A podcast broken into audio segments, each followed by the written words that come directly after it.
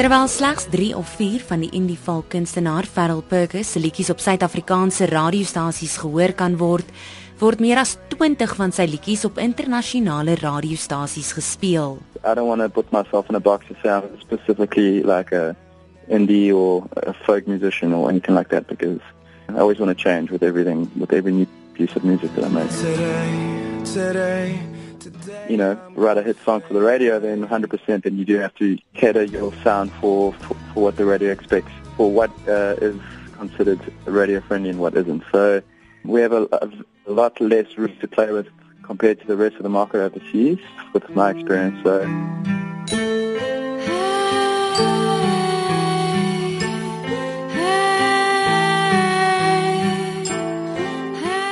Multigenre groep by Benico sê weer dat Suid-Afrikaanse radiostasies te veilig speel met hul speellyste en nie genoeg geleentheid gee vir musiekgroepe wat meer alternatief is nie.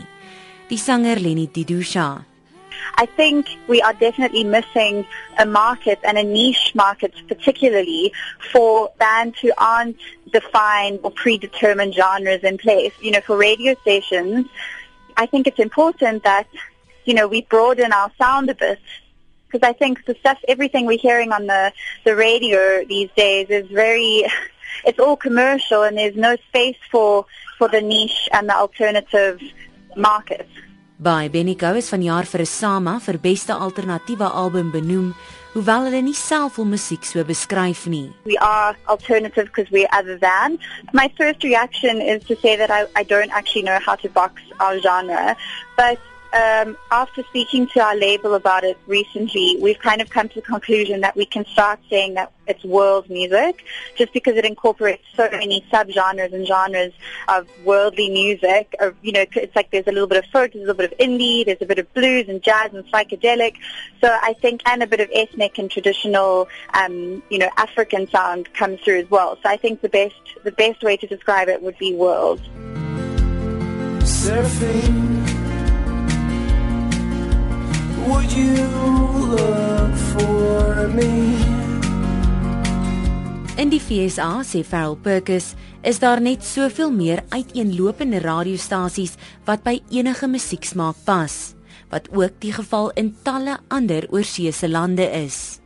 There's just more people there and there's a whole lot more radio stations, a lot more independent radio stations as well. And also internet radio as well and college radio like it's it's already it's really massive where we can count the major radio stations that every artist in this country who who needs to be placed on these radio stations to book for festivals or you know get their name out there, you can you know count them on one hand.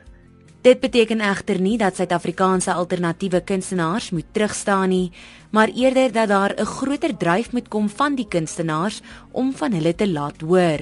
It doesn't mean that you know there's nothing happening in the South African music industry. I mean, as far as the bands that are coming out of here, it's their world class, you know, and because it's it's a lot more difficult here for like a, a more experimental alternate or indie band to make it really big in South Africa. Um, it makes them work a lot harder. You know, people are really thinking out the box in this country, and uh, it's fantastic.